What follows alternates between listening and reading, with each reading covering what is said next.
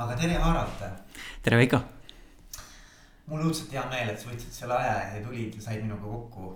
igati rõõm on tulla, podcast'id on sellised asjad, mis on endale ka hingelähedased, olles ise neid läbiviijana ja, ja et on selline vahva moodus, kus me võtame ühe erilise hetke. et luua midagi ruumis, nii et ootan põnevusega, kuhu meie ja. tänane hetk nagu siin järgmisena kulgemas on. äge, väga äge me ei ole küll rääkinud sinuga, kuidas ma sind sisse peaksin juhatama, aga, aga noh, mul on nagu mõned märksõnad mm, -hmm. Mida ma võiksin välja tuua ja sa siis tahad ise nagu veel täiendada seda. et, äh, et, et mina olen sind paaril korral näinud äh, rääkimas ja, ja noh, ma ütleks, et nagu see on siukene ähm, see on sihuke energia, energia teema, et sa kindlasti oskad nagu inimestes esile kutsuda mingit head positiivset energiat mm. -hmm. äh, sihuke inspireeriv äh,, hästi sihukene särav äh,. sinus endas on mingi asi, mis nagu paneb teised inimesed ka nagu kuidagi helisema, et, et noh. ma ei oskagi nagu rohkem midagi öelda, et võib-olla kuidas, kuidas sa iseennast nagu positsioneerid, kes sa oled, mida sa teed? ja ma mõnikord ütlen, et ma olen elukutseline inspireerija. et, et see ongi minu elukutse, ärgata hommikul üles ja mingil moel aidata kaasa, et inimesed oleksid enda igapäevategevuses rohkem inspireeritud. Ja, ja suur osa sellest inspireerimisest ongi kõnelemise kaudu.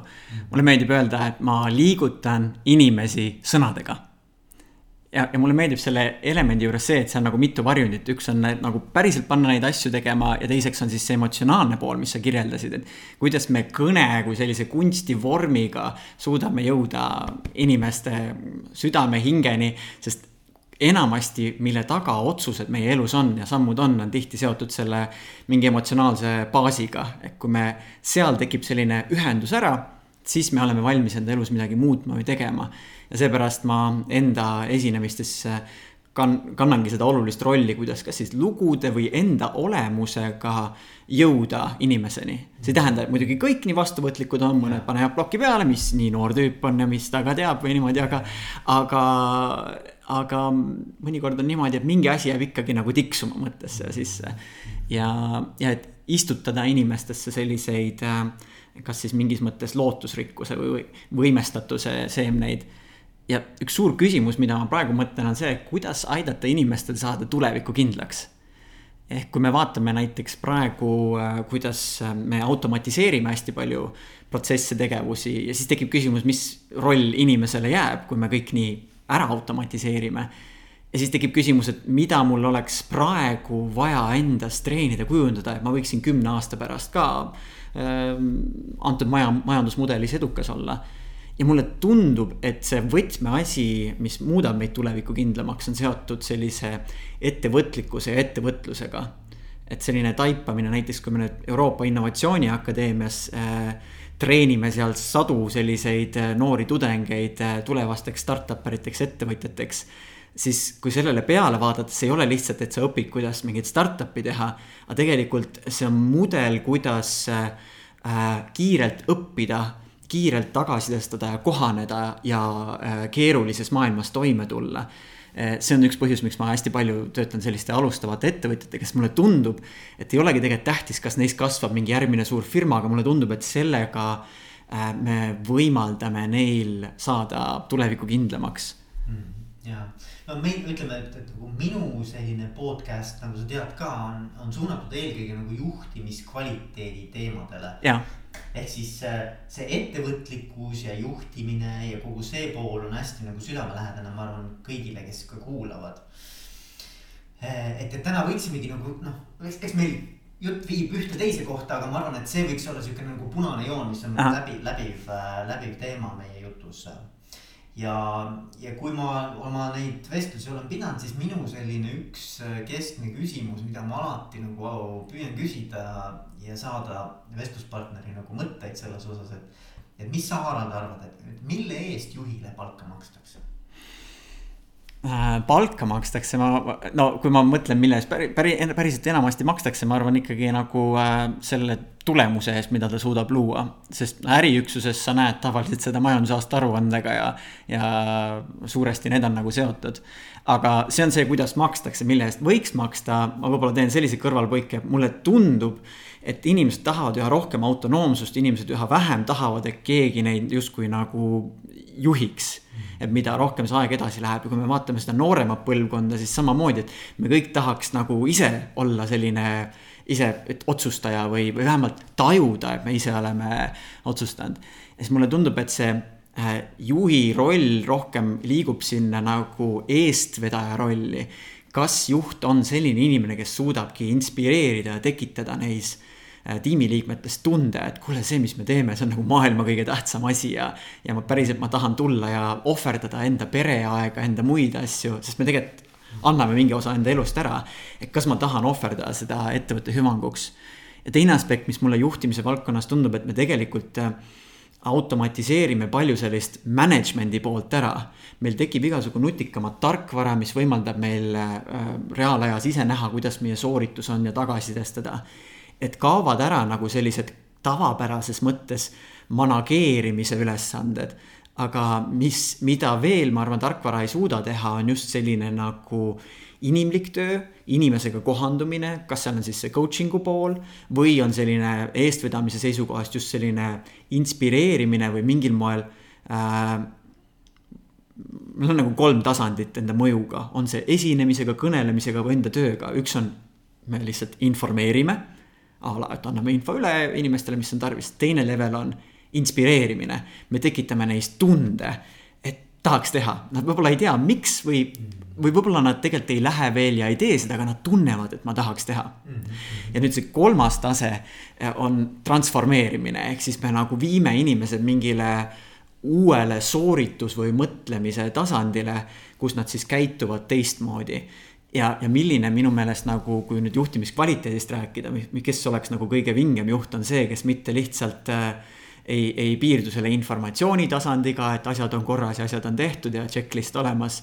ei piirdu lihtsalt inspireerimisega, vaid lausa nagu inimeste transformeerimisega, ehk oletame näiteks, kui äh, oled juhi rollis, sinu juurde tuleb keegi tööle ja aasta jooksul ta peaks nägema, et ta on ise meeletult noh hoopis mingile teise taseme saavutanud. mitte, et ta on teinud mingid ühikud ära, vaid et ta ise on oma äh, võimekuse silmaringi.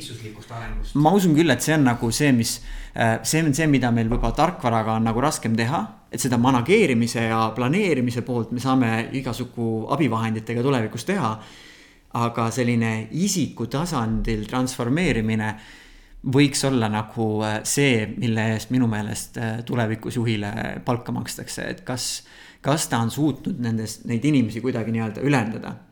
ja selle transformeerimise juurde on võib-olla selline kõrvalpõige, et äh, me kõik teeme enda otsuseid hetketeadlikkuse tasemest lähtuvalt. ja kui me mõtleme enda elus, kus me tegime võib-olla tagantjärele väga rumalaid otsuseid, sel hetkel see oli kõige targem otsus, mis me saime teha ja see ongi võib-olla see teadlikkuse tasand, mida juht võiks suuta tõsta, et, et tema tiimiliige ise suudaks märgata paremaid võimalusi hetkeolukorras. ja, ja mulle tundub, et kui, kui me näeme rohkem selliseid transformeerivaid juhte, siis me hakkame nägema nagu kogu meeskonna soorituse poole pealt. kuidas, ma usun, siin sellega kaasnevad loovuse avaldumine parem selline, kas siis ütleme, säilenõtkus või stressitaluvus kui inimene ise oma peaga mõtleb. sest muidu on kiusatus nagu süüdistada, et keegi teine ütles või, või nõnda. et, et need on mõned sellised komponendid, mis sellega, kui inimene ise jõuab paremale levelile, et hakkab oma peaga mõtlema. ja see on selline võib-olla ka äh, ettevõttesisese ettevõtja kontseptsioon, et me tegelikult tahaksime, et meil oleksid tiimis inimesed, kes tunnevad, et nad, see on nagu nende ettevõte ja nad tahavad seda hästi teha. Ja ma arvan, et kõige ägedam juht ongi see, kes on suutnud kuidagi luua neis selle veendumuse, et see on meie ühine asi ja, ja ma tahan seda hästi teha. et, äh, et see oleks võib-olla selline nagu aspekt, mille eest tulevikus ma usun, võiks tasustada, ehk kas mm,, kas me saavutame selle transformatsiooni taseme.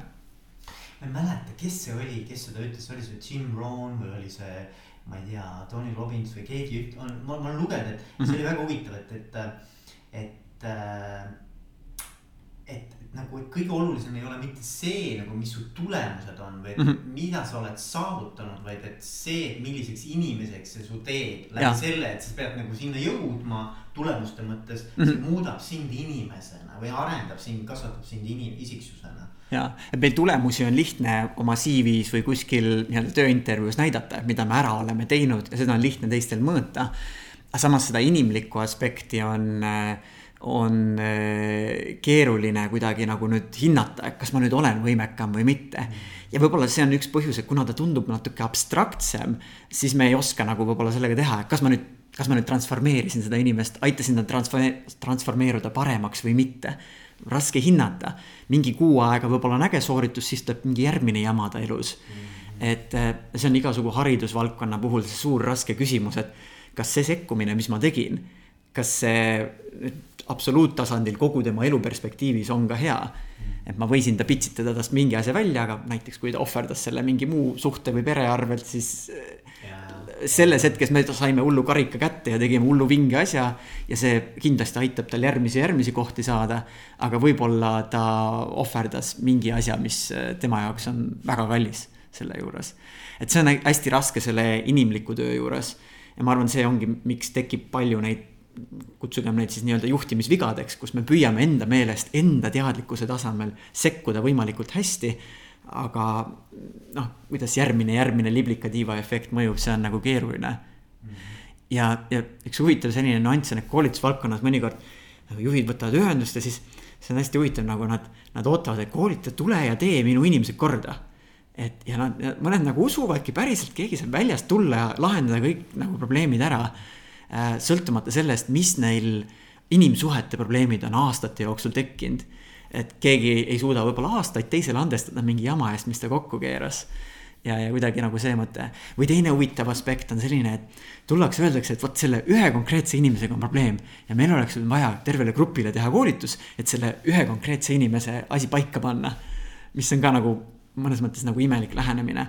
aga lihtsalt need kaks asja minu maailmas, mis peegeldavad äh, seda mõningatel juhtudel nagu perspektiivi, kuidas juht nagu seda olukorda näeb.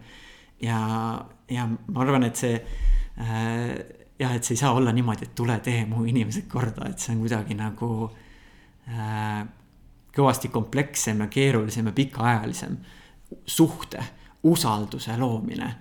ja, ja kui ma olen vea teinud, kuidas me selle pärast äh, niimoodi ära klapime, et inimesed nagu vimma ei jää pidama mm. -hmm ja vist Eesti kultuuriruumis me võime öelda, et ei ole hullu midagi, no läheb üle, on ju, pühime pisara ära. aga tegelikult sees on võib-olla nagu ikkagi noh, et miski, mis kripeldab. ja, ja siis, kui neid asju on nagu palju skaleerunud ja siis hakkavad tekkima need nähtused nagu, et a la miks tiim ei tööta ja. ja siis arvatakse, et meil on vaja mingit, ma ei tea, team building seminari või muud asja või et meeskonnakoolitus lahendab selle kõik ära. see on ka põhjus, miks ma ise pigem positsioneerin ennast enesejuhtimise teemal. et äh, sest äh, meeskonna juhtimisega isegi kui ma oleksin noh, juhul kui ma isegi oleksin juhtimisekspert, siis ma tegelikult ei ole selle konkreetse meeskonna ekspert. et see on alati nagu selline nii, nii suur nagu võrgustik tuleb kogu selle kogemusega kaasa. et see teeb keeruliseks ja, ja, ja mulle tegelikult tundubki, et sina tegeled ka juhtide coaching uga, eks ole et mõnikord tegelikult võib-olla ongi selles kohas, kus tullakse koolitust meeskonnale küsima, on võib-olla vaja juhil endal hoopis nagu asjad läbi harutada, eks ole. mis minul nagu tekkis sinu jutu peale nagu selline mõte, et, et, ähm, et selleks, et juht saaks tegelikult muuta või transformeerida või kasvatada või arendada oma tiimi liikmeid. mulle tundub, et ta ise peab mingisugusel nagu järgmisel levelil juba olema enesearengus, eks ju. et, et, et ma ei tea, kas on nii või ei ole, aga mulle tundub nagu, et, et vaata, et kui sa, kui sa ise ei ole piisavalt teadlik iseendast äh, ja, ja kuidas sa mõjud mm. -hmm. et siis sul on ka väga raske teadlikult tegelikult kasvatada või coach ida oma inimesi, äh, neid nagu paremaks äh, saama. See kõrgem teadlikkus, võib-olla mis ta tekitab, on sellise efekti nagu oletame, kui me siin vestleme, siis kõrgem teadlikkus tähendaks, et justkui meil on siin kõrval nii-öelda kaamera või, või minu enda nii-öelda kolmas silm, mis siis äh, hoiab silma peal ja näeb seda protsessi kõrvalt. et ta näeb kõrvalt, kuidas mina selles vestluses mõjun, ta näeb nagu suuremat pilti kui see, mida mina hetkel näen, vaadates ütleme sinu poole, siis ma enda käitumist ju kõrvalt ei näe. ja mida see teadlikkus toob, ongi see äh, suurem pilt ja arusaamine, et ma näen, kus ka mina vigasid teen. ja, ja teadmine. sest muidu, kui ma ei näe, kus ma ise vigasid teen, siis mulle tundub, et need vead on kõik põhjustatud kellegi teise poolt. ja, ja no aga siin ongi noh, ma ütlen, et, et nagu väga raske on sellisel juhil tegelikult mõjuda niimoodi, kes ei ole iseendaga piisavalt tegelenud mm. -hmm. et väga raske, mulle tundub, et nagu, et selleks, et üldse organisatsioon ja meeskonnad saaksid kasvada, see, see juht ise peab kõigepealt nagu iseendaga tegelema ja, ja see puhul ongi võib-olla kõige raskem, kui äh, juhiks saamine käis lihtsalt läbi selle, et sa olid väga hea spetsialist ja siis sind ülendati juhiks. mulle tundub, et avalikus sektoris käib see niimoodi, et noh, et, et tahad nagu kõrgemale pulgale saada, sest sellest sõltub otseselt sinu palgatase. aga sinu motiiv ei pruugi olla see, et ma tahaksin väga hullult inimestega töötada. ja see on äh, üks aspekt, kus meil võib tekkida äh, selliseid olukordi, mis aastate jooksul vindudes tekib noh, nii kompleksse kobarvõrgustiku, kus ongi, ma ei tea, lihtsam on inimesel minna teise asutusse ja uude tiimi võib-olla. Mm.. sest kui sa aastate jooksul järjest neid sõlmi ja sõlmi sinna juurde tekitad, siis on hästi raske neid kuidagi lahti harutada ja, ja selles mõttes ma, ma pigem olen nõus, ma ei tea, võib-olla jah. loomulikult vist ei ole nagu ühte moodust, mis kõigi jaoks toimiks, me ei saa öelda, et mine üheks aastaks kuskile, ma ei tea, palverännakule või matkale kuskile ja siis sa saad endast aru ja siis tuled tagasi ja kindlasti oled parem juht, et mis kellegi jaoks nagu toimib.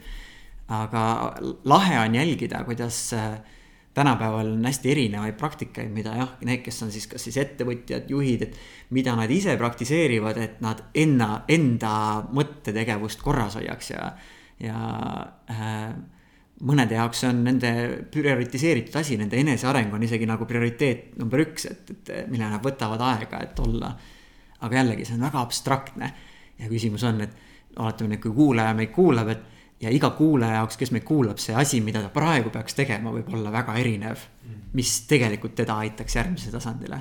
ma arvan, mis seal aitab, on mingi radikaalne ausus enda suhtes ja radikaalne ausus ka enda kolleegidelt äh,. mitte ainult näiteks juhina anda tagasisidet enda tiimiliikmetele, vaid küsida tagasisidet ka tiimiliikmetelt, mida mina saaksin teistmoodi teha, et.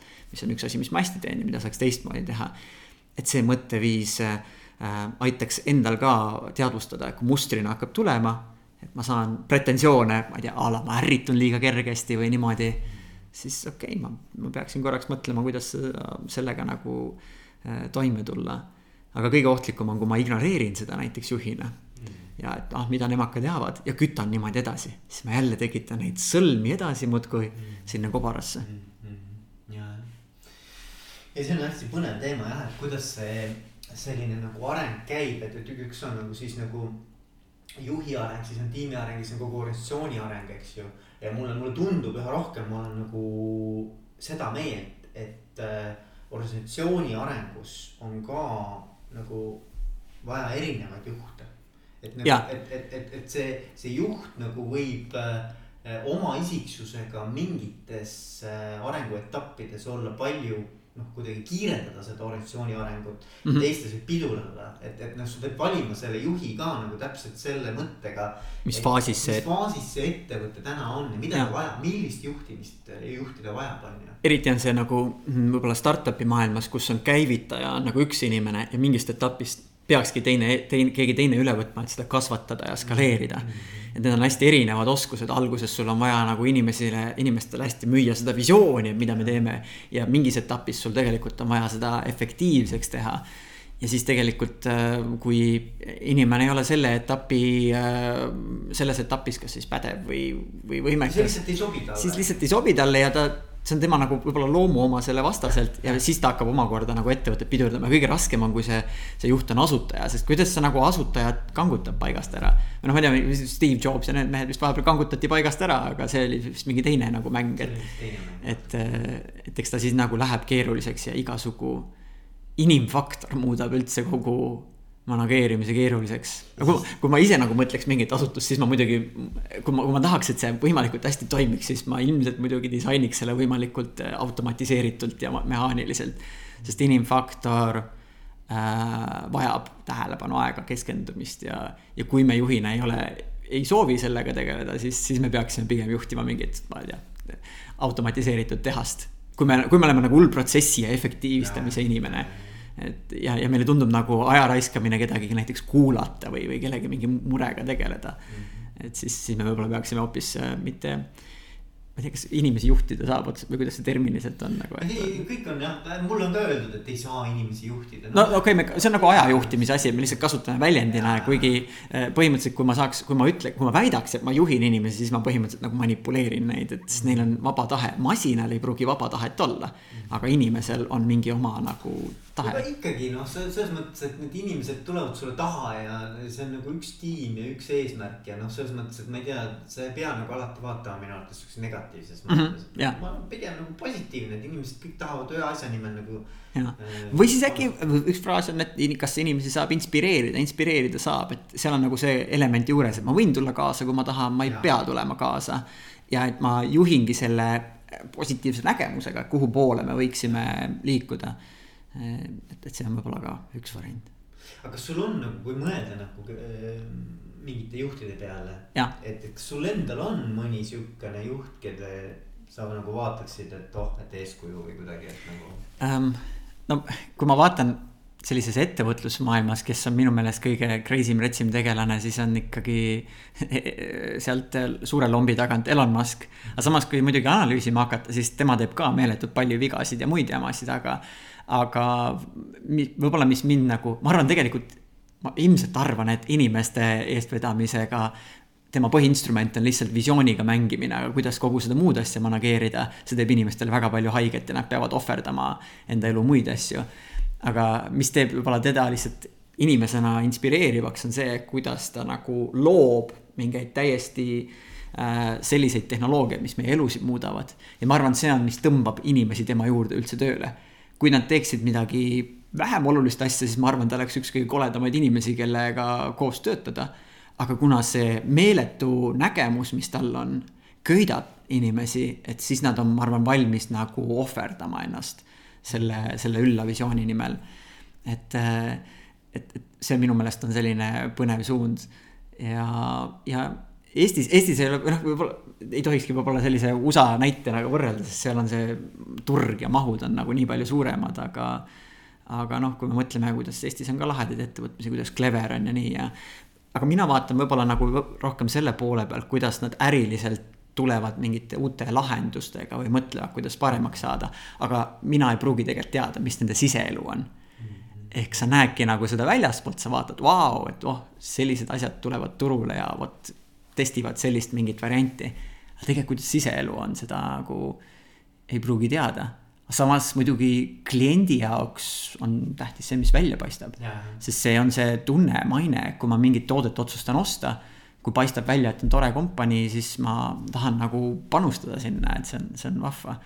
Et eks see väljapaistmine on äh, see, mis määrab aga ei tohiks muidugi ainult mõelda, et kuidas me hästi välja paistaks, vahet pole, mis sees toimub. sest ma..., sest ta läheb nagunii, tuleb sealt äh, välja sealt. Ma, ma ikkagi arvan nagu, et, et päris raske on mingit sellist toodet või teenust pakkuda, mis on nagu super asi. noh, võtame kasvõi iPhone, eks ju mm. -hmm. ilma, et äh, seal sees on ka ikkagi suurepärased inimesed. nagu, nagu ja. päris keeruline on jõuda nagu tulemuseni, suurepärase tulemuseni.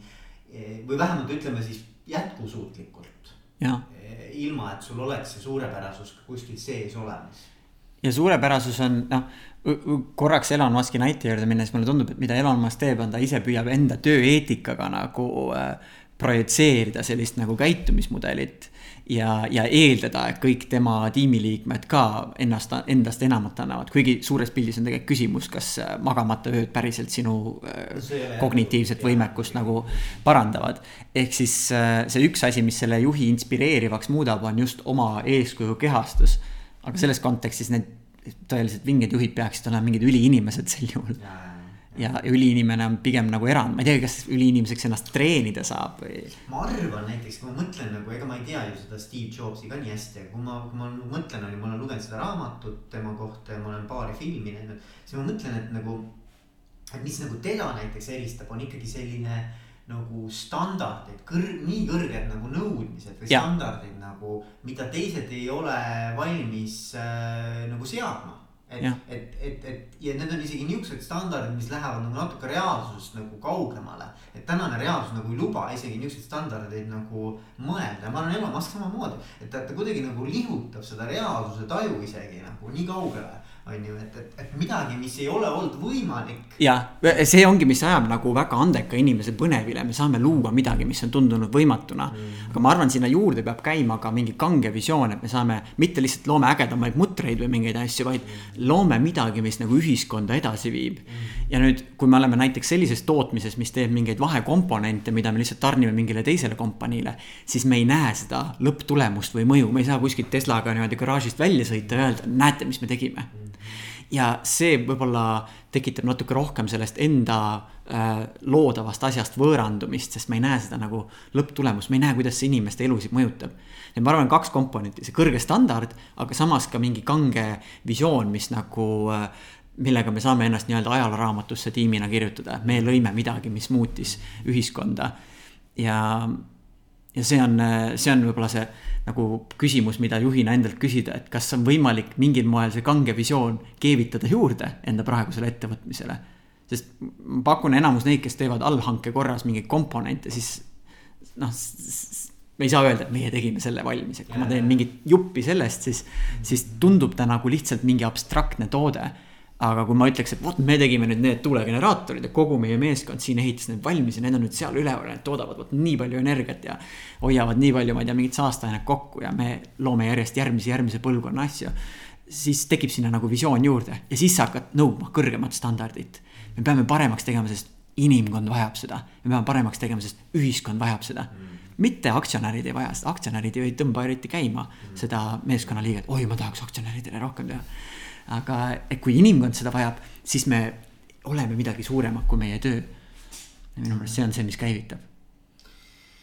nii on jah, jah, et selles mõttes, et kõik need nii-öelda elu muutvad äh, teenused ja tooted, et need on ikkagi nagu sihuke kõva legacy, mis järgi jääb nagu, et mm -hmm. see, see, ma arvan, tõmbab ka käima, see tõmbab hästi-hästi käima, et nagu.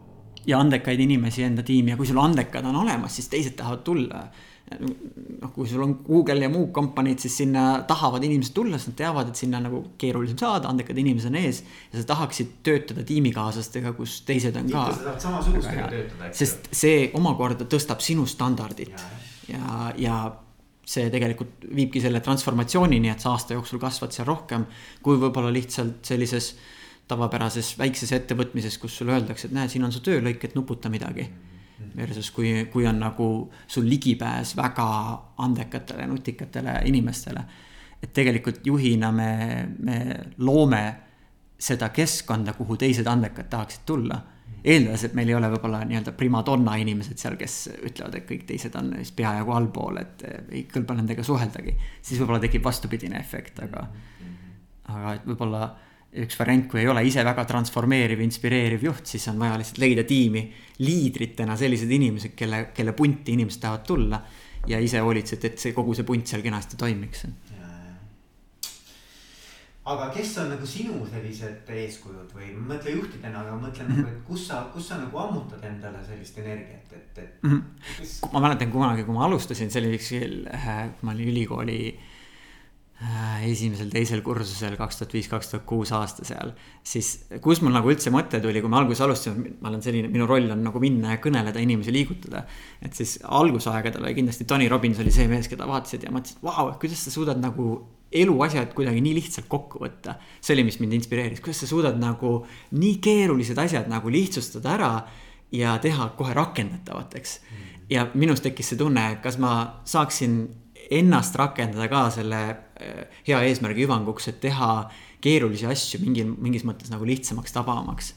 ja siis aeg läks edasi ja nüüd, mis ma olen nagu täheldanud, et praegu nagu on väga harva, et kui nagu kedagi niimoodi ülistaks, vaid mis praegu toimub, on sa võtad nagu siit, oh, vot see element on väga hea. oh, kuidas ta seda väga väikset konkreetset lõiku tegi hästi.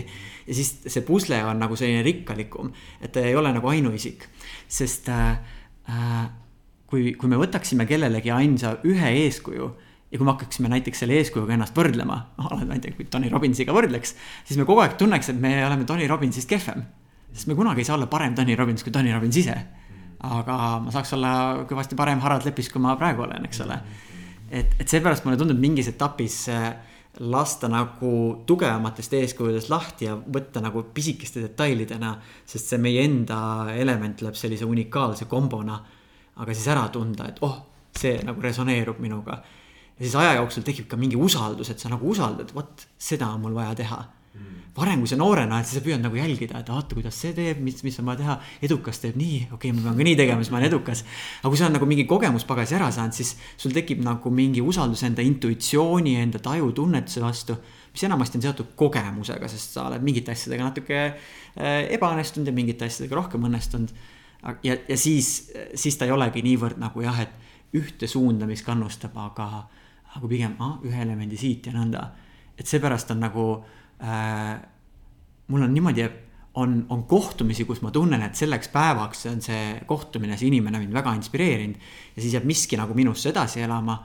aga et ma ei jää teda nagu äh, noh, nagu religioonis on, et sa jääd nagu seda jumal, jumalat nii-öelda, ma ei tea. Teenima. teenima jah, kui nõnda, et vaid sa, sa nagu sellest, sellest saad selle laengu kätte. ja ma arvan, niimoodi võiksime tegelikult vaadata äh, kui me nagu sellest laseme korraks lahti, et meil peaks mingi ülieeskuju olema, siis me anname loa, et meie hetkeks, üheks tunniks, üheks minutiks võib olla see eeskuju, kellega me oleme ruumis, kellega me vestleme, suhtleme. Ja siis me hakkame nagu mingi teise kvaliteediga kohal olema, et kui me nagu piisavalt kuulame, mis see sõnum praegu tuleb, et midagi see vestlus mulle nagu praegu õpetab. et selles hetkes, kellega ma praegu vestlen, see on praeguses hetkes minu kõige tähtsam eeskuju. et midagi on, mida talt õppida ja isegi kui seda on raske õppida, ma saan siit mingi järelduse teha et äkki nagu seda mõtteviisi, kui me näiteks juhi rollis olles äh, suhtuksime niimoodi ka enda tiimikaaslastesse, nendega suheldes yeah.. et äh, selles hetkes see, mis ta jagab, mul on talt midagi õppida. Ja vaadata, ei pruugi alati tulla mingeid kuldpärleid, aga, aga lihtsalt katsetada, äkki nagu tekib äh,, äkki tekib mingi teine kvaliteet suhtes mm. või mingid teised taipamised või äkki me hakkame kuulma kihte, mida me ennem ei kuulnud mm. vestluses et jah, see on, ma arvan, nagu hästi sihuke oluline nüanss ka, ka juhi jaoks, eks ole. et äh, paratamatult ta on eeskujuks teistele ja samas noh, jällegi äh, kuidagimoodi ta peab aitama oma tiimiliikmetel saada iseseisvaks. Et sa tahad, et see on nagu, see on natuke nagu paradoks on ju, et mingis mõttes sa nagu hästi palju nagu toetud juhile ja samas teiselt poolt juht peaks just nagu aitama sul rohkem iseseisvust kasvatada, et sa saaksid ise paremaks, on ju, et sa ei ole niivõrd sõltuv. kõige parem on, kui on, no ma arvan, et kõige parem on niimoodi, kui on selline hea suhtebaas, kus äh, tiimiliige usaldab juhti piisavalt palju, et kui ta päriselt mingi jamps on, ta on valmis ise pöörduma mm. -hmm. siis kui nad ei pöördu, siis me ei tea, millal probleemid on, me arvame, et keegi midagi kurtma pole tulnud, järelikult on korras. samas jällegi, kui nad liiga palju pöörduvad, siis nad nagu tekib sellist micromanagement'i. siis on see, et sa vastutuse ära ka. ja, ja sa, sa jällegi muudad ta nagu jõuetuks. Äh, ja see vist on nagu igaühel nagu endal vaja see iga inimesega tabada ära. kui palju ma teda torkima peaks ja kui palju ma peaks laskma tal endal olla või et mille järgi ma tean, et millal on vaja või teine variant on niimoodi, et ma ei hakka üldse mingit nagu mõtlema, et kord kuus ma peaks jälgima või nii mm.. vaid ma usaldan täiesti enda intuitsiooni ja juhuslikke kohtumisi. ja ma loon endale näiteks sellise uskumuse pähe, me kohtume siis, kui on vaja ja see asi tuleb välja siis, kui on vaja mm. mõnikord võib-olla selline uskumus võtab sellise üleliigse nagu noh, kas ma nüüd, kas see kuu kohtusin, see kuu jäi kohtumata, võib-olla ei olnud vaja võib-olla või oleks võib-olla olnud mingis teises kontekstis olla, et äkki kui meil oleks see veendumus sees, et me kohtume siis, kui on vaja ja meil tuleb see asi välja, kui on vaja. ja siis vaadata, kuidas see asi niimoodi kujuneb. et see võib alguses võib-olla nagu kuidagi keerukam olla, aga teoorias ju tegelikult meie äh, selles, mida me suudame protsessida, see alateadlik versus teadlik tasand, see teadlik tasand on nii pisike osa aga alateadliku tasandil me tegelikult juba kehakeelest inimest kohates saame aru, kas tal tegelikult praegu on mingi jama või mitte. et äh, ja võib-olla me hakkame niimoodi nagu tajuma ja siis me tunneme ära, et ma täpselt ei tea, mis värk on, aga mulle tundub, et ma peaksin küsima, kuidas sul praegu läheb või et. et või, või ma tajun, et sa oled äh, mingi asja pärast natuke mures, et, et oleneb, kuidas seda küsimust sõnastada. aga et see oleks võib-olla kõige põnevam tase, kui me äh,. Põnev mõte on see, et me rääkisime, Tartus rääkisime, arutlesime, et tark linn ja nii ja. aga siis tuli selline huvitav arutelu mõte, et et aga milline on nagu äh, mitte lihtsalt smart city, vaid wise city on selline, mis suudab nagu ise kohaneda ja ette näha. ja mis ei ole lihtsalt sensoreid täis, vaid mis kasutab kõige vingemat sensorit. mis on inimene ise. et mõtle korraks, me inimesena ise oleme tegelikult kõige vingem sensor, meil on nii palju nagu tajumeeli, mida me saame kogeda.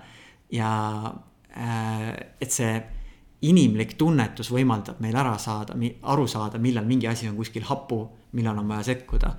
et võib-olla see võiks üks oskus olla, mida juhina enesearengus treenida, kuidas minu sensor tajub ära millal on äh, jamps ajas. see on jah, see on kõva teadlikkus on ju, see on siuke emotsionaalne intelligentsuse osa ka, eks ole mm. -hmm. et siuke nagu. ja seal on ka oht mööda panna muidugi aga ei muidugi on, aga, aga noh, selles mõttes just, et siuke kohalolek ja tegelikult nagu päriselt inimese kuulamine ja, ja ja siis nagu noh, ka usaldamine, et mis ma tunnen, et kas see on õige või mitte, siis võib-olla sellega nagu testimine või vaikselt nii-öelda nagu üleküsimine, eks ju mm. -hmm. et äh, ja, et ma arvan, need on kõik väga olulised teemad.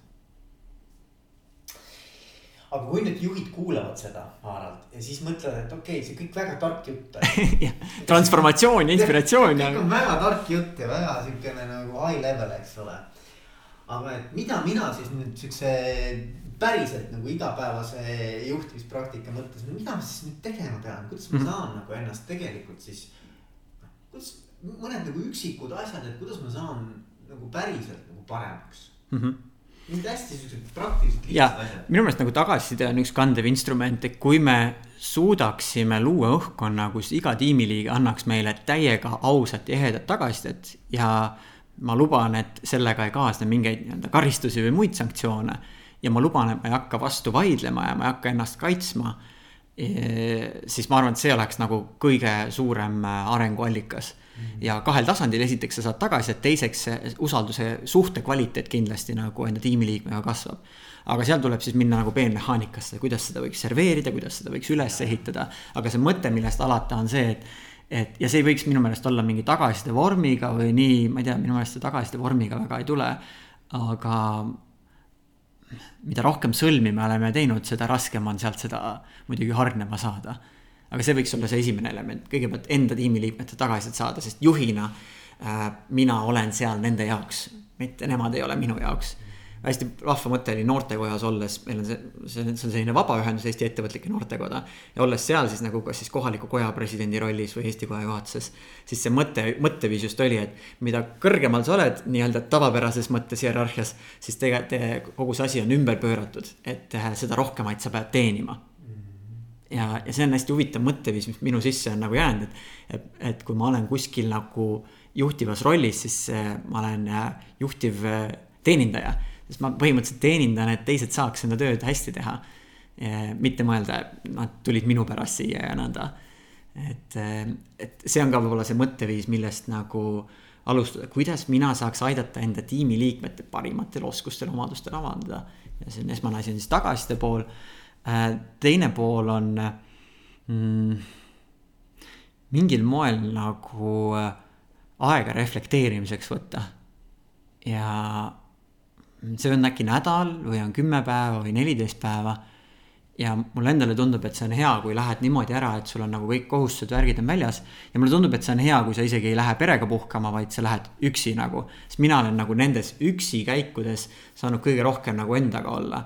ja siis tavaliselt võtab mõned head raamatud kaasa ja võtab palju vihikuid kaasa, mida täis kirjutada ja, ja võtad selle aja, et teha mingeid asju, mida, milleks muidu ei ole aega, lihtsalt ma ei tea, hommikuti võimled või, või käid rohkem jooksmas. ja siis nendes hetkedes hakkab nagu kerkima igasugu mingeid ideid, lahendusi ja nagu visioone, nägemusi. mille sa saad siis võtta ja tagasi tulles realiseerida, et muidu me oleme liiga sellel operatiivsel tasandil, me oleme liiga nagu asjas kinni. aga siin on muidugi see põhiaga, et noh, kus ma võtan selle aja, kui praegu juba punases on. aga, aga et mulle tundub, et see on üks asi, millega me saaksime enda äh, taset ka mingile järgmisele tasandile viia. ja võib-olla proovida mingit täiesti uut kogemust. ma ise ei ole proovinud, aga äh, paps on käinud ja äh, seal on ka teisi ettevõtteid seal pundis olnud, on näiteks mingi selline praktika, kus sa oledki nagu pimedas ruumis terve päev või mitu päeva, inimesed on nagu pimedas ruumis, täiesti kottpime ruum. ja siis nad, ma ei tea, kas nad vestlevad või suhestuvad seal, aga nad ongi nagu, võtavad nagu mingi sti-, visuaalse stimulatsiooni kõik välja ja siis, siis hakkab seal nagu mingi teine tajumeel avarduma või nõnda. aga jällegi, see on lihtsalt huvitav näide, see ei pea tähendama, et kõik võiksid sellist asja proovida. pigem mõte on selles, et proovi mingeid äh, asju, mis tekitavad, oh kui huvitav, katsetaks seda. et need tekitavad meis ka sellises enesearengu seisukohast mingeid uusi kogemusi, mingeid uusi perspektiive äkki äh,. seda me saaksime juhina ise teha, et enda, enda teekonda sättida ja, ja teine aspekt on mm, võib-olla mingit laadi ajutrusti varianti äh, teiste inimestega, kellel on äh, ka sarnaseid ambitsioone või probleeme. Et äh, kui oma inimestega kuidagi ei ole suutnud seda avatud suhtlust luua, aga et on nii-öelda saunakaaslased või, või kellega sa saad nagu kõik ära rääkida, et mis sul sinu meelest jamps on. aga nad peaksid olema sellised saunakaaslased, mis mitte ei kiida, et jah, küll sul on ikka lollid inimesed seal tööl, vaid nad peaksid olema need saunakaaslased, kes ütlevad, kuule, aga kas sa, sa rääkisid mulle selle loo, aga kas sa ise ei mõelnud, et tegelikult äh, niimoodi tehes sa võib-olla ajasid asja hoopis hullemaks? ehk siis need head saunakaaslased on need, kes aitavad sul äh, väga ausalt tuua välja mingeid asju, mis äh, äh,, mis tegelikult sa võib-olla ise tegid valesti. ja miks need saunakaaslased on head, on see, et nendel ei ole mingit hirmu või muresid mängus, kui nad sinu suhtes radikaalselt ausad on Nende töö ei sõltu sellest, nende palk ei sõltu sellest, nad ei saa kinga. Nad võivad olla nagu täiesti avatud ja nii ja öelda, mida nemad sellest näevad. et, äh, et kui ei õnnestu enda tiimikaaslastega suhet luua, siis, siis leida endale neid, kes võivad sulle nagu väga otsekoheselt äh, enda, enda perspektiivi sellest loost äh, luua. ja, ja võib-olla siis jah, kellel on sarnased probleemid ka, kes suudavad samastuda nende olukordadega. või siis äkki nagu mingi mentor näiteks eks seda on nagu raske leida ja mentoril seda aega võtta. aga et kellega rääkida neid asju, mida muidu tiimiga ei saa või siis coach, eks ole, on ka sisuliselt, kes on, ongi valmis niimoodi ähm, ära kuulama.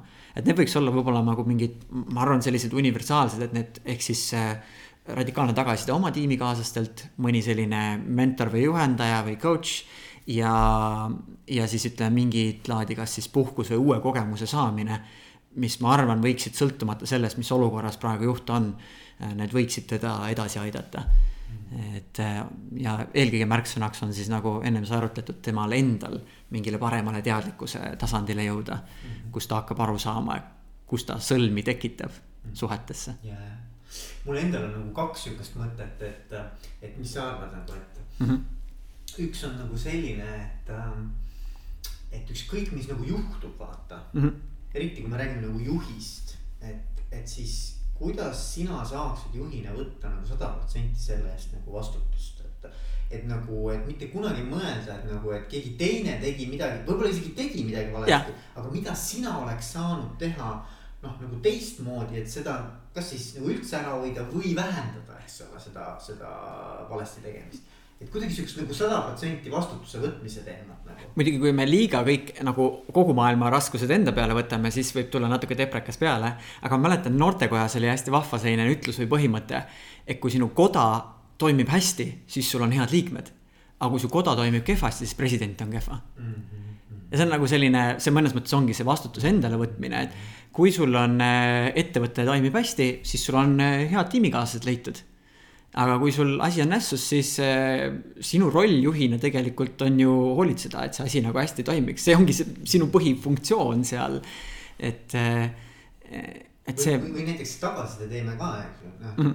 Et minu kogemus on, ma olen näinud väga palju nagu tagasisidestamist ja. ja, ja minu kogemus on see, et inimestel on väga raske võtta tegelikult tagasisidet. jah. sest me võtame isiklikult seda, eks ole. isiklikult aga noh, just nimelt, ega see ka, et, et isegi kui sa ei tunne alguses ennast ära selles mm -hmm. tagasisides. et siis kuidagi ikkagi nagu võtta see vastu ja mõelda, et okei okay,, et aga mida ma tegelikult oleks äkki teistmoodi saanud teha, et see tagasiside oleks teistsugune, eks ole. ja, ja, ja enda jaoks nagu, mida oleks saanud teha, on alati selline nagu vähemalt küsida endalt, isegi kui vastust ei tule, aga vähemalt küsida. ja siis üks võlusõna veel tagasisidemehhanismi puhul on, kui keegi sulle äh, ütleb ja räägib hingelt ära, mis ta arvab sinust või nõnda, siis alati ütle lõpus aitäh tagasiside eest mm. -hmm. et mis ta, mulle tundub, et ta võtab selle emotsionaalse tundetooni sealt ära. et mis sa nüüd tulid ja rääkisid mulle ja niimoodi sajatasid, vaid äh, aitäh tagasiside eest, et see on sinu perspektiiv ja ma nüüd äh, võtan selle teadmiseks ja vaatan, kuidas mul õnnestub sellega nagu ennast mm, nutikamaks, targemaks muuta. et aitäh tagasiside eest. ja teine teema, mis mul oli, oli selline nagu kuidagi negatiivsete mõtete dieet või ma ei oskagi öelda nagu, et kuidagi nagu, et, et, et sa nagu võtad enda jaoks mingisuguse aja, see võib olla algselt ka väga lühike aeg, oleneb kui, kui raske see on. Yeah.. aga et sa nagu noh, et see nagu ükskõik, mis juhtub. et, et sa nagu ei luba endal äh, kuidagi vajuda kuhugi negatiivsusesse, et, et tegelikkuses sa püüad nagu pigem näha neid asju niimoodi, et aga see oli võib-olla millekski just vajalik ja mis see mulle nüüd nagu ütleb ja mida ma võin teha nüüd, et seda võib-olla edaspidi nagu paremaks muuta. et kuidagi nagu hakata nagu vaatama asju natukene sellises äh, nagu klaas pooltäis variandis. mul on selline üks nagu afirmatsioon või uskumus, et äh, kõik, mis juhtub, on osa minu arenguteekonnast mm. -hmm. ja see on selline hästi nagu rahustav efekt, et kui ma tunnen, et mingi, ma ei tea, kas siis mingi tehing läheb nässu või ma näin, panin kuskile palju aega ära, aga see plaan ei läinud käiku et kõik, mis juhtub, on osa minu arenguteekonnast. või kui ma tunnen, et mul oli mingi väga keeruline vestlus või ma läksin kuskile, kus ma tegelikult ei oleks tahtnud olla, siis see lause aitab mul tuletada meelde, et, et see võimaldab mul mingil moel paremaks saada. kas äh, paremini sarnases olukorras toime tulla või parne, paremini sarnaseid olukordi tulevikus äh, juba eos vältida, eks ole. et kõik, mis juhtub, on osa minu arenguteekonnast ja see annab nagu sellise, äh, see võtab nagu selle miinusmärgi asjade eest ära, et see on paha asi et siis jäävadki, et äh, on kõik arendavad asjad.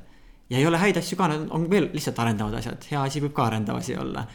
ja, ja see on nagu, mis võimestab. nüüd selle äh, negatiivsuse dieediga peab siis jah vaatama, et äh, mõnikord on negatiivsus muidugi hea, kui meil on vaja midagi muuta. siis nagu selline noh, noh ikkagi nagu vihastamine mõnikord loob muutuse. aga toredam oleks alati muutuda positiivse kaudu aga mõnikord on vaja nagu millegi peale nagu ärrituda. kas äh, mulle nagu tundubki, et siis ongi positiivne, kui ta, kui ta loob sulle nagu impulsi muutuseks. et siis ta juba ongi positiivne. noh, muidugi küsimus on see, et, et nagu, et, et kas sa pead siis nagu muutuma nagu väga vihaseks sellega et noh, see on nagu teine küsimus, eks ju. aga, aga ma arvan, et, et, et pigem nagu mõeldagi niimoodi, et jah, et, et mis on see mida see konkreetne olukord, situatsioon või tulem mulle tahab öelda mm, -hmm. seda nagu pigem positiivses või nagu sellises nagu arenguvaates, et. ja, ja, aga selle jaoks ongi noh, vaja seda nagu sisse treenida, sest endal on selle jama sees olles ja kui need muud jamad tulevad sisse, siis sa vaatad oma e-postkasti, seal on mingeid kirju täis ja nii ja. ja siis on nii raske nagu endale öelda, hei, see on kõik võimalus. aga tegelikult, kui sa ise oleksid enda kõrval nii-öelda selle kolmanda silmapaarina vaatamas, siis sa ütleksid endale sedasama asja. ja, ja tegelikkuses on ju see, et, et, ega olukord sellest ei muutu. et sa negatiivne oled, et, et noh, selles mõttes, et muutuda saab siis ainult, kui sa päriselt võtadki seda kui muutuse impulssi või muutuseks nagu sellist nagu ajendit, on ju mm. -hmm. et äh, aga noh, tavaliselt, kui sa oled nagu kuidagi vajud ära, on ju et noh, ma ei tea, on see siis depressioon või on see pigem vihastamine või midagi muud. et siis see positiivne pool nagu läheb kaotsi. jah, ja, ja, ja siin võib-olla selle varasema nii-öelda saunakaaslase näite juurde tagasi tulles, ma arvan, see ongi see üks hetk, kus sa nagu äh, võib-olla välja rääkides saadki korraks ennast nagu kõrvalt vaadata ja kui keegi teine on ka ja siis sa saad nagu anda sellise objektiivsema hinnangu, et, et või, või näiteks mõnikord on see, et kui sa vaatad, et äh, kuidagi jama on lugu ja sa paned konteksti, et kuule, et tegelikult siin on mingitel teistel ettevõtetel nagu pankroti äär või mingi muu asi, et tegelikult meil on päris hästi nagu. ja see annab sulle lootust võib-olla, et sealt nagu ikkagi selle probleemiga tegeleda, sest kui lootus ära kaob, mis siis üldse alles jääb? kui sa nagu, kui sul lootust ka ei ole, et sa ei usu, et me suudaks selle ettevõtte ära päästa või selle tiimi nii-öelda ära päästa siis, siis sa vist ei lähegi eriti nagu proovima, siis sa nagu. ma arvan, et seal on ka mingisugune aktsepteerimine, et, et nagu, et, et noh, ma usun, et nagu. et sa saad nagu sellisest nagu negatiivsusest või sellisest ebameeldivast nagu läbi minna kiiremini, kui sa nagu aktsepteerid, et jah, olukord ongi nii no,. et, et mitte nagu sa ei kaota nagu seda usku paremuse poole minna ära, vaid et sa nagu ütled, et jah aktsepteerid, no ongi mm, -hmm. praegu on kehvasti, on ju. Mhm. aga et, et siis nagu see on pigem nagu ka nagu võimalus siis okei okay,, aga nüüd sa paned paremaks minna mm. -hmm. see kehvasti on lihtsalt stardipositsioon. ma ei tea, nagu spordi kontekstis see on nagu see, kus sa joonest niimoodi üle lähed, aga finišijoon on teises kohas, et, et kuule, aga Alar, nüüd me oleme väga palju rääkinud sihukest nagu inspireerivat, positiivset, edasiviivat jõudu ähm,. aga on midagi, mida ma ei ole küsinud su käest, aga sa tahaksid mm -hmm. näiteks juhtidele või, või juhtimisest äh, huvitanutele panna südamele? lihtsalt selline mõte ilmus praegu nagu mängu, millega võiks mängida, et äh, panna ennast korraks enda tiimikaaslase mokassiinidesse ja mõelda, kui mul oleks selline juht, siis äh, kuidas mulle see tunduks, kui ma püüaksin nagu niimoodi perspektiivi panna. ma pean muidugi ühe elemendi siia juurde ütlema, mõnikord me tahamegi, et meid juhitaks samamoodi, kui me teisi juhime ja siis see ei ole võib-olla väga objektiivne, aga lihtsalt selline mõttemäng, mida korraks mängida. panna ennast nagu sinna seisundisse ja kui mind niimoodi koheldakse, kuidas ma ennast tunnen. kui ma saan nagu selliseid ülesandeid või selliseid tegevusi, kuidas ma ennast tunnen või äh, kuidas mul oleks vaja neid asju serveerida, et äh, ma seda paremini vastu võtaks. Ja, ja ikkagi võib-olla mingil moel nagu näha ennast nagu kõrvalt ja mõelda, kui ma endale ütleksin niimoodi. kas ma endale ütleksin niimoodi? et, et see võib-olla võiks olla üks selline äh, mõte, mis mulle tundub, et tänasest vestlusest võiks nagu kõlama jääda, tuua ennast niimoodi korraks nagu kõrvale. ja siis vaadata, et äh, kas see on siis see juht, kelleks ma tahtsin saada. kas see on see inimene, kelleks ma püüdlen kas see on äh, see, mis on minu jaoks nagu noh, see, kuhu liikuda. ja see on, tuletab mulle meelde seda, et, et on mingisugune päris tuntud artikkel, kus siis eh, küsitakse, et, et miks keegi peaks olema juhitud minu poolt mm -hmm.. noh, et nagu, et, et küsid iseenda käest, et noh, et miks nad peaksid tahtma nii-öelda mind endale juhiks, et mm -hmm. miks peaks keegi tahtma üldse on ju. või siis teine võimalus, et näiteks, et, et näiteks, et ma olen kuulnud ka paljud ütlevad, et oh, et, et ma Äh, olen mõelnud, ma just ei taha saada samasuguseks nagu äh, vanemaks oma lastele nagu minu vanemad on olnud, eks ole. et aga siis noh, nüüd avastan, et ma olen täpselt samasugune, eks ole. et, et kuidagi nagu äh, nendest mustritest nagu lahti saada või mustreid kõigepealt näha ja siis nagu neid muutma hakata ja võiks selle jaoks pidada näiteks mingit päevikut, kus kirjutada enda jaoks asju läbi ja mulle endale nagu tundub, et see läbikirjutamine on selline kõige lihtsam mentor, et sa ei pea isegi temaga väga aega kokku leppima ja kuskile kohale sõitma, aga et. et sa enda jaoks neid asju kirjutad läbi, mille pärast sa muretsed, mis sind rõõmustab. ja sa ei peagi jääma seda päevikut igaveseks kirjutama, aga võtad mingi aasta või niimoodi ja, ja iga õhtu sinna muudkui natuke kirjutad.